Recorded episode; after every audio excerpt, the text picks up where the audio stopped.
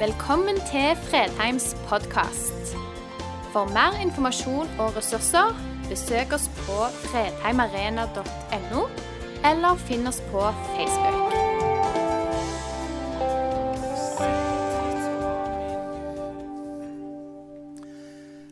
Når jeg var ung, så fantes det noe som het dommedagspredikanter. Det var altså mannfolk med store, svarte bibler på rundt 60 år. Hvis noen lurer på hvor gammel jeg er, så ja, sånn cirka sånn. Som reiste rundt, og ofte var det de to store, svarte biblene, og ikke så sjelden som kom pekefingeren. Og jeg må si jeg har vært på noen sånne møter hvor de har tenkt å skremme oss ganske godt. Eh, og få inn over oss at livet er alvorlig, og at en dag tar det slutt, og så kommer det en evighet ikke, de har ikke det beste ryktet på seg, disse her dommedagspredikantene. Og så var det bøker som kom. Denne boken var svær og gikk i mange opplag for titalls år siden. 'Våre lamper slokner'. En roman om en menighet hvor de kristne sovna mens de venta på Jesus. Og Det skulle være en sånn skikkelig vekk vekker. og Jeg husker jeg leste den boken. Jeg tørde nesten ikke slukke lyset når jeg la meg, for jeg var liksom redd. Tenk hvis Jesus kommer igjen nå, og er jeg rede da? og greier. Det var, det var skikkelig alvor. Det var skikkelig alvor. Men det var før. Nå ser jo predikantene mer sånn ut. Og det skal være happy, happy og lett og enkelt og greit og trøst å bære. og ikke, ikke noe særlig som utfordrer. Og ofte går vi fra grøft til grøft. Det kan bli for alvorlig og for svartmalende. Eller så kan det bli så enkelt at folk bare tenker ja, ja, det er ikke noe særlig farlig. Dette er ikke noe særlig utfordrende. Men det har dukka opp nye dommedagspredikanter. Og nå handler det om klima. De som i dag forteller at verden kommer til å gå under, og det kommer til å gå ganske fort. Det er de som arbeider med klimautfordringene. Og Nå skal ikke jeg blande meg inn i politiske vurderinger, og alt dette her. men sånn som du i gamle dager hadde dommedagsskeptikere, har du nå klimaskeptikere. Det er liksom ikke sånn at vi tror alt automatisk. Vi er liksom litt sånn Kan ikke det bare være tilfeldigheter? at Alltid så går det litt i sykluser. Men det er i grunnen ting som forteller oss at noe skjer. Og Hvis ikke vi stopper sier de, en del av disse utslippene, så når vi ikke det målet med, med, med regulering av varme og utslipp. og Da går det dårlig. Og Vi blir jo litt urolige når vi stadig ser større stormer og orkaner. og det er jo, Vi bor jo på en freda plett stort sett. Men vi har jo merka det litt i Norge òg. Det forandrer seg litt, dette været. Det, det er blitt litt annerledes. Det er blitt litt mer intenst. Så vi lurer på kan det hende at de har rett, disse her. Noen tror jo i alle fall på det, og det er Hollywood. For de lager film etter film som skal skremme vettet av oss. I, i mayakalenderen, et folk i Sør-Amerika, så skrev de at årstallet for jordens undergang var 2012. Den filmen som ble lagd eh, om 2012, den ble spesielt populær i Kina av en eller annen grunn. Og en haug med kinesere begynte å lage sånne overlevelsesgreier. Ting som kunne flyte på vann, og du kunne være i ukevis og overleve. Og folk solgte plasser i dyre dommer, og mange av disse her brukte opp alt det de hadde på å skape seg muligheter for overlevelse, for frykten for dommedag. For jordens undergang var altså reell. Uh, the day after tomorrow når New York blir oversvømt og fryser til is i løpet av et øyeblikk. På film går alt veldig fort. Det har du sikkert lagt merke til. Det er bare sånn Fra den ene scenen til den andre så hele byen nedfrøser. Men du kjenner det tar litt i oss. Er det virkelig sånn at dette her fantastiske skaperverket kan gå mot en slutt? Jeg stoler mest på han. Han som har bevist en uendelig kjærlighet til alle mennesker. Eh, han som Bibelen sier er Guds eget ord. Han som var fra evighet og er til evighet. Når han taler, da lytter jeg. Og Da trengte jeg kanskje ikke tatt med denne store, svarte, tunge Bibelen, for da kan dere bli litt skrømt. Jeg kunne tatt med en, med en liten med lett fine farger. Men skal vi lese det som er søndagens tekst i dag på denne dagen. Men før vi gjør det, i Matteus kapittel 24 og 25 som denne teksten er henta fra, som vi snart skal lese, så har Jesus flere taler om de tidene som skal komme. Den teksten vi leser, den har noen tekster foran seg og noen tekster etter seg, hvor Jesus med et enormt alvor sier noe om at dette livet, sånn som vi kjenner det, en gang så tar det slutt. Den teksten som gjelder for denne søndagen, det er en tekst som først og fremst er til den kristne kirken og til mennesker som tror på Jesus. Og vi leser. Da kan himmelriket sammenlignes med ti brudepiker som tok oljelampene sine og gikk ut for å møte brudgommen. Fem av dem var uforstandige, og fem var kloke. De uforstandige tok med seg lampene sine, men ikke olje. Men de kloke tok med seg kanner med olje sammen med lampene. Da det trakk ut før brudgommen kom, ble de alle trette og sovnet. Men ved midnatt lød et rop. Brudgommen kommer. Gå og møt ham. Da våknet alle brudepikene og gjorde lampen i stand. Men de uforstandige sa til de kloke, gi oss litt av oljen deres, for lampene våre slokner. Nei, svarte de kloke, det blir ikke nok til både oss og dere. Gå heller til kjøpmannen og kjøp selv. Mens de var borte for å kjøpe, kom brudgommen, og de som var forberedt, gikk sammen med ham inn til bryllupet, og dørene ble stengt. Senere kom også de andre brudepikene og sa, 'Herre, Herre, lukk opp for oss.' Men han svarte, 'Sannelig, jeg sier dere, jeg kjenner dere ikke.' Så våg da, for dere kjenner ikke dagen eller timen. Slik lyder Herrens ord. Det er ulike bryllupskulturer. I gamle dager i Norge så varte et bryllup tre hele dager til ende. Nå syns jeg bryllupene varer kortere og kortere. Et bryllup jeg skulle holde andakt i, de slapp meg til klokken halv fire om natten. Eh, den var litt spesiell, den familien, så de likte å rangle. Men bryllupet begynte på ettermiddagen, og halv fire da kom andakten. Og ennå varte det en stund etterpå. Nå syns jeg brudefolkene stikker av i 11-12-tiden. Ikke vet jeg hvorfor. Men det virker som nå skal det gå litt fort. I den kulturen som Jesus taler i, så var bryllupskulturen helt annerledes. Og For å forstå denne teksten så må vi vite litt om den måten de feira bryllup på. Det kunne ta dagevis, faktisk opp i ukevis på det verste. Og Noe av det som hørte med, det var at brudgommen av og til venta før han stilte opp og møtte bruden og disse brudepikene som hun hadde med seg. Og Noe av poenget for brudgommen var å komme overraskende. De Folk skulle ikke vite når han kom. Ofte kom han gjerne midt på natten når folk hadde sovna av helt naturlige grunner. Men da gjaldt det, for ingen fikk lov å være ute om kvelden uten å ha oljelamper med seg. Det var en betingelse for lov å være ute i mørket. Og så var det en som gikk foran brudgommen for at folk skulle få en liten stund til å liksom våkne og gjøre seg klar. Så hadde han en herold som gikk foran og ropte 'Brudgommen kommer, brudgommen kommer'. Og da fikk folk oi, ja, fikk anledning til å gjøre seg klar. Men det kunne de kanskje ha venta i dagevis på. Lurte dere, tenkte han. Tok dere på sengen. Eh, og de fleste sov. Så den teksten vår den var helt forståelig for de som hørte den. Det var ikke noe sånn overraskende eller annerledes. De hørte bare om sånn som eh, et bryllup foregikk. For oss så virka dette her ganske spesielt. Og det var faktisk sånn at de som ikke rakk fram til bryllupsstedet, bryllupsfesten, før den var begynt, da var døren låst. De kom ikke inn ganske fortvila. Der har du forberedt deg og venta på en brudgom i dagevis. Og når du endelig kommer deg fram, så er døren stengt, og du kom ikke inn.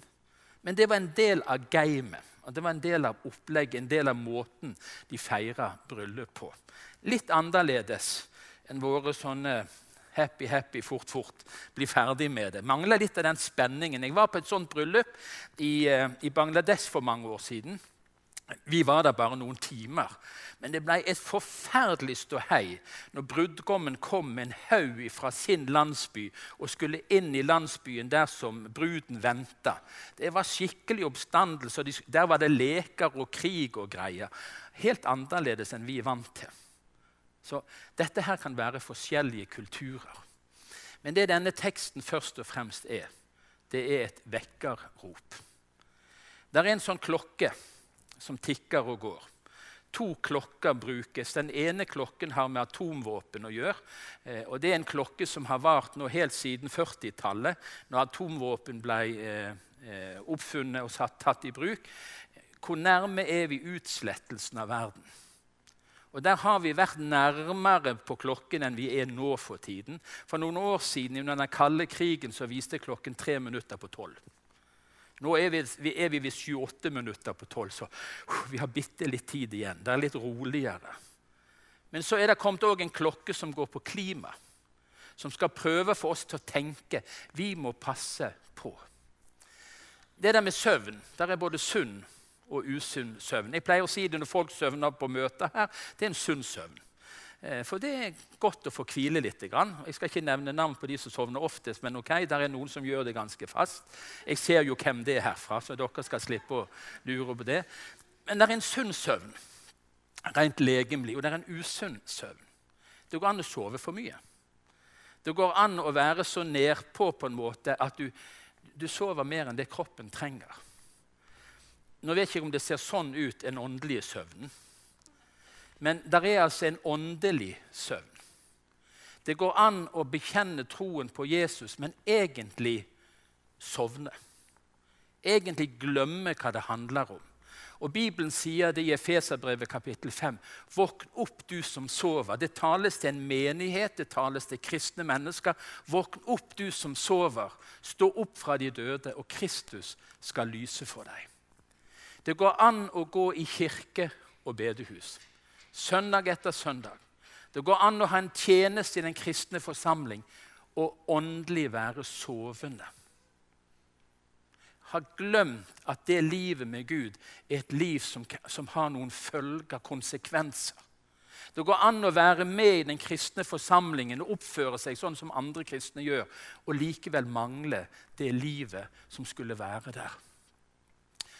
Paulus skriver til menigheten i Korint det som hendte med dem skulle være til advarsel. Det ble skrevet til rettledning for oss, og til oss er de siste tider kommet. Det skrev han for et par tusen år siden. Til oss nå er de siste tider. Og skulle ikke vi enda mer tenke at det, det må nærme seg i den tiden vi lever i? Derfor må den som tror han står, passe seg så han ikke faller. En oppfordring til alle som vil kjenne Jesus og følge han. Det er det er noe å være våken for. Vi må passe på, for det er ikke garantert at fordi om vi går og kirker bedehus, så lever vi et sant og sunt liv med Gud. Og I Efesene 5, litt seinere enn det vi leste, så sier Paulus.: Pass derfor nøye på hvordan dere lever. Ikke som ukloke mennesker. Husker du ordene vi leste? Disse fem jomfruene som var ukloke. Ikke som de ukloke, men som kloke, så dere bruker den dyrebare tiden godt. Og Nå skal du få en liten lekse. Du som har en bibel og blar litt i den, gå hjem og les de neste versene. I Efeserbrevet kapittel 5. Så trenger ikke jeg si så mye om det. Men der står det om kontraster. Hvordan kristne mennesker kan glemme helt at de er frelst og kalt til å leve et nytt liv, og begynner å leve sånn som de levde før. Og så sier Paulus men det er ikke sånn dere skal leve. Dere skal leve et nytt liv i ånden, hvor dere synger og tilber. Dere skal ikke være på den siden, dere skal være på den siden. Gå hjem og les. Og La det være en liten sånn sjekk. Hvordan holder vi oss våkne? Når jeg forberedte meg til, til, denne preken, så er det jo sånn at vi prøver å lese litt i kommentarer og litt forskjellige steder. Og det var en liten historie en delte som jeg kjente. Den traff. Eh, han hadde hørt om en fiskebåt som, som, gikk ned. I storm, i uvær. Eh, alle si, berga livet, men én ble alvorlig skada. Og de klarte å karre seg opp på et skjær eh, og satt der natten igjennom forfrosne i et forferdelig uvær. Og Så stilte de da spørsmål hvordan i alle dager klarte dere å holde dere våkne eh, i løpet av natten. Ikke bare gi opp, så svarte en av de. Vi var så opptatt av å hjelpe han som ble skadd. De holdt seg våkne gjennom en natt i storm og uvær, forfrosne kalde. Men det var en av de som var skadd. Det sto om livet. Og hvordan klarte de andre å holde seg våkne? Vi var så opptatt av å hjelpe han som ble skadd. Vi omgås mennesker daglig som i åndelig forstand er skada. Det står om livet. Og en av de beste måtene å holde seg våken som kristen på, det er å være i tjeneste og bry seg om andre mennesker. Bryr seg om de som har det vanskelig, de som er skada, de som ennå ikke har sett Jesus. Og Det var så nydelig å høre disse to som har vært på Someheimen. Og han ene i nesten seks år. Hvorfor? Han er så opptatt av de som er skadd. ikke det er et nydelig bilde Kjenner ikke du at det kan ta litt tak i deg? At dette kan holde deg våken som kristen? For Det som òg skjer når vi er opptatt av de andre, da blir vi opptatt av vi trenger Jesus for å ha noe å gi. Vi trenger den kraften som bare han kan gi. Vi må leve nær til Jesus for å kunne hjelpe mennesker som åndelig er skada. Vår kirkefader Luther han sa det på en litt annen måte. Han ble spurt om dette. Hvordan holder vi oss våkne? Til det å være våkne hører det at en overalt og alltid er opptatt av å studere Guds ord. At en lengselsfullt og alvorsfullt griper etter det og gjerne hører det, synger det, sier og leser det mot den skammelige latskapen og søvnigheten. Hva er det som kan holde en kristen våken, sier Luther. Jo, nå er ikke det sånn at noen av oss går overalt og alltid. Vi har jo ikke bibler med en gang på gudstjeneste. Altså, men, men, det er et eller annet det holder oss våkne. Guds ord er levende og er den sikreste måten å holde seg åndelig våken på. Det er å la Guds ord få lov å slippe til i våre liv. Er du våken? Er du åndelig våken? Du kan være våken fordi du kjenner at du bryr deg om han som var skada. Du kan holde deg åndelig våken fordi du, ordet fra Guds egen munn hjelper deg. Du klarer ikke å falle i søvn, for ordet holder deg våken. Denne teksten forteller oss at det er noe som ikke kan utsettes. Eh, igjen denne klokken.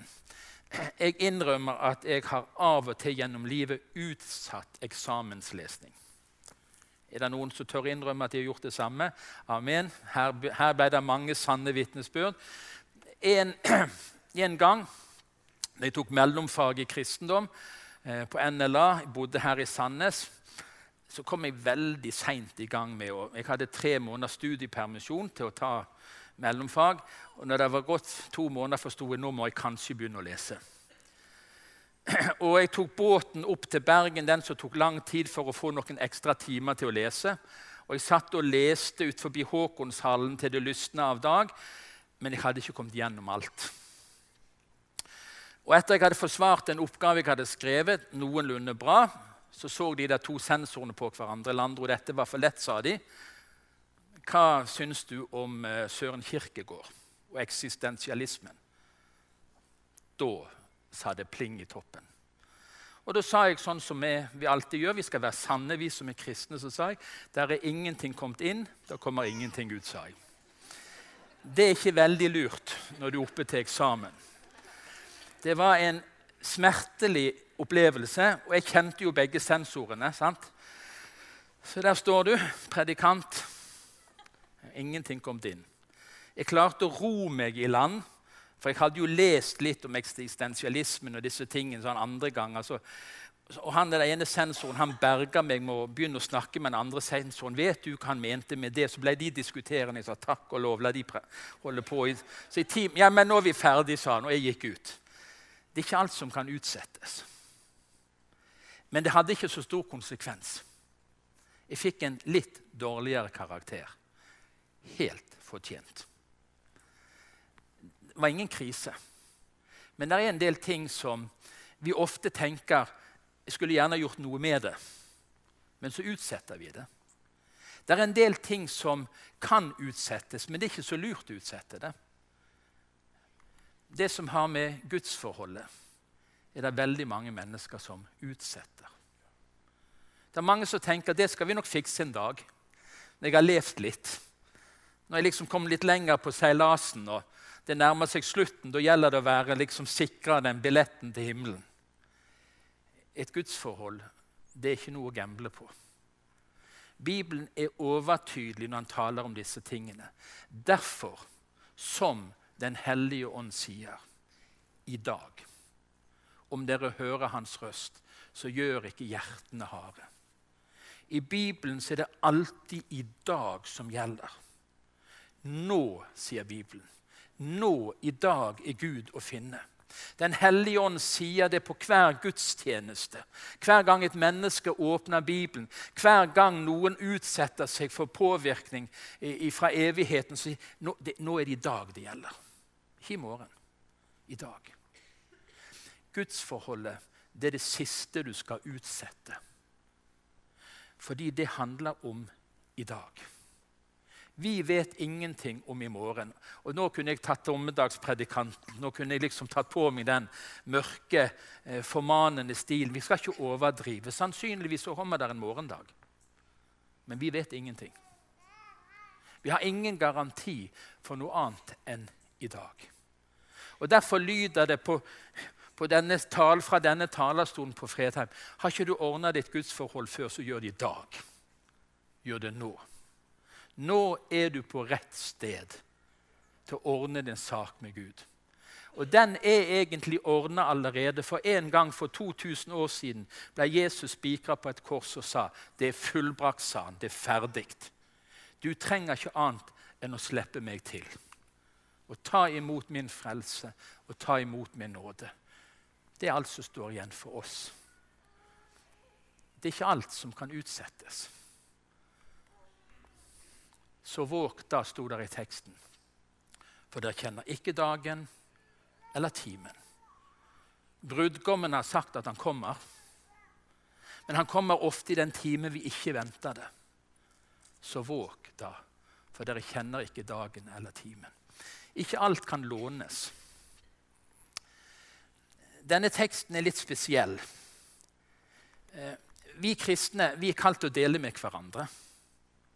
Det er jo nesten litt fornærmelig eh, hvis du kom til meg nå og sa Landro, jeg, treng, jeg har ikke penger til middag i dag, kan jeg få låne en hundrelapp? Jeg hadde jo gitt deg en hundrelapp. Jeg har jo ikke en hundrelapp. Jeg hadde vippsa det til deg. Du klart jeg hadde delt med deg. Altså, der, er situasjoner hvor vi kristne virkelig er kalt til og kan hjelpe hverandre og dele og låne ut. Og da skal vi låne ut uten renter, sier Bibelen. Altså, det er vi kalt til å dele. Men det er ikke alt som kan lånes og deles. Tro kan ikke lånes. Jeg kan ikke låne deg min tro. Tro går ikke i arv. Jeg har tre barn, og jeg har vært predikant i 40 år. De arver ikke min tro. De må velge om de vil tro og følge Jesus. Tro er personlig. Du kan ikke komme til en prest og spørre kan jeg få låne litt av din tro, for jeg har, jeg har så lite, og du har sikkert mye. Du kan låne meg litt tro. Det er ikke sånn det fungerer. Barn låner ikke foreldrene sin tro. Barn må bli født åndelig talt. De må bli født på ny. Tro kan ikke arves.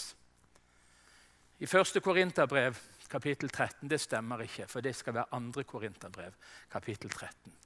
Ransak dere selv om dere er i troen. Prøv dere selv. Eller merker dere ikke at Jesus Kristus er i dere?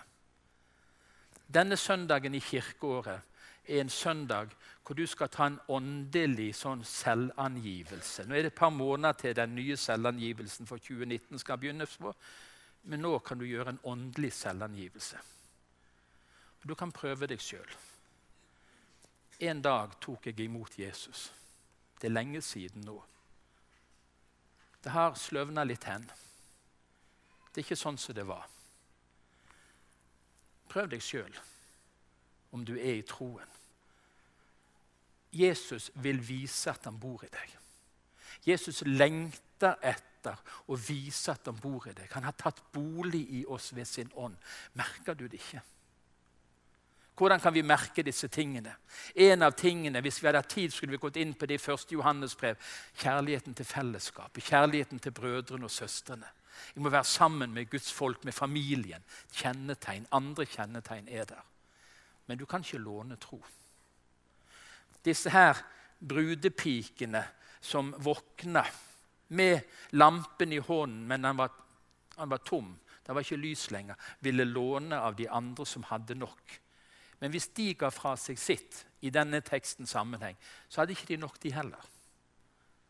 Det er noe som ikke kan lånes. Tro arves ikke. Tro kan ikke lånes. Det siste denne søndagen det er det som virkelig er fantastisk å kunne formidle. Det er at liv kan fornyes. Åndelig liv kan fornyes. Tenk på hvor du sto før du falt, skriver Johannes i Johannes' åpenbaring. Før du sovna, hvordan var det da? Hvor er iveren fra den gangen, står der et annet sted. Bibelen sier, tenk gjennom det. Og så kommer det så nydelig i 2. Timoteus brev. Derfor vil jeg minne deg om dette. La Guds nådegave i deg flamme opp på nytt. Og Dette handler ikke nå i denne sammenhengen om en utrustning, men Guds nåde, Guds frelse, Den hellige ånd sin plass i ditt liv, det kan flamme opp på nytt igjen. ikke det flott? Du kan våkne. Det er jo noe av det som er nydelig. Denne oppvåkningstiden. Noen hater det å forlenge søvnen lengst mulig. Jeg er litt sånn pling med en gang våkner med en gang og tar beina stort sett på, på gulvet før vekkerklokken er ringt ferdig. Ny dag. Våkne. Åndelig talt, denne søndagen skal du få høre. Hvis du har sovna, hvis det har sløvna for deg, hvis det har mista sin betydning, la Guds nåde i deg flamme opp på nytt igjen. Du kan få lov å merke at Jesus bor i deg. Du kan få lov å merke at Den hellige ånd har tatt bolig i deg. Det kan blomstre opp på nytt igjen. Og Det er noe av det vakreste jeg ser. Uten å få lov å se mennesker ta imot Jesus for første gang, så er det ikke noe så vakkert når folk som har vært borte fra Jesus, kommer hjem igjen og lar seg tenne på nytt igjen. Du ser noe av det som var der fra før, kommer tilbake. Noe av den gløden og noe av den nøden og noe av den iveren kommer tilbake igjen. Guds nåde i deg kan flamme opp igjen på nytt. ikke det flott? Hvordan skjer det? Det skjer ganske enkelt med at vi Jesus, jeg slipper deg til igjen på nytt. Rensk ut det som ikke er deg verdig. Alt det der slagget, alt det der ureine, Ta det vekk, Jesus. Og gi meg på nytt. Fyll meg på nytt med Din Hellige Ånd. Med det livet som en gang fikk leve i meg. Skal vi be om det? Denne søndagen. Domssøndagen. Den siste i kirkeåret, dette kirkeåret. At om Jesus kom, så var du rede. Så var du klar til å møte han. Brudgommen kommer, ropte de. Vi vet ikke dag og time, men våg derfor, sier Bibelen. Takk for at du valgte å høre på. Nye opptak legges ut hver uke. Vi har gudstjenester hver helg, og du er hjertelig velkommen.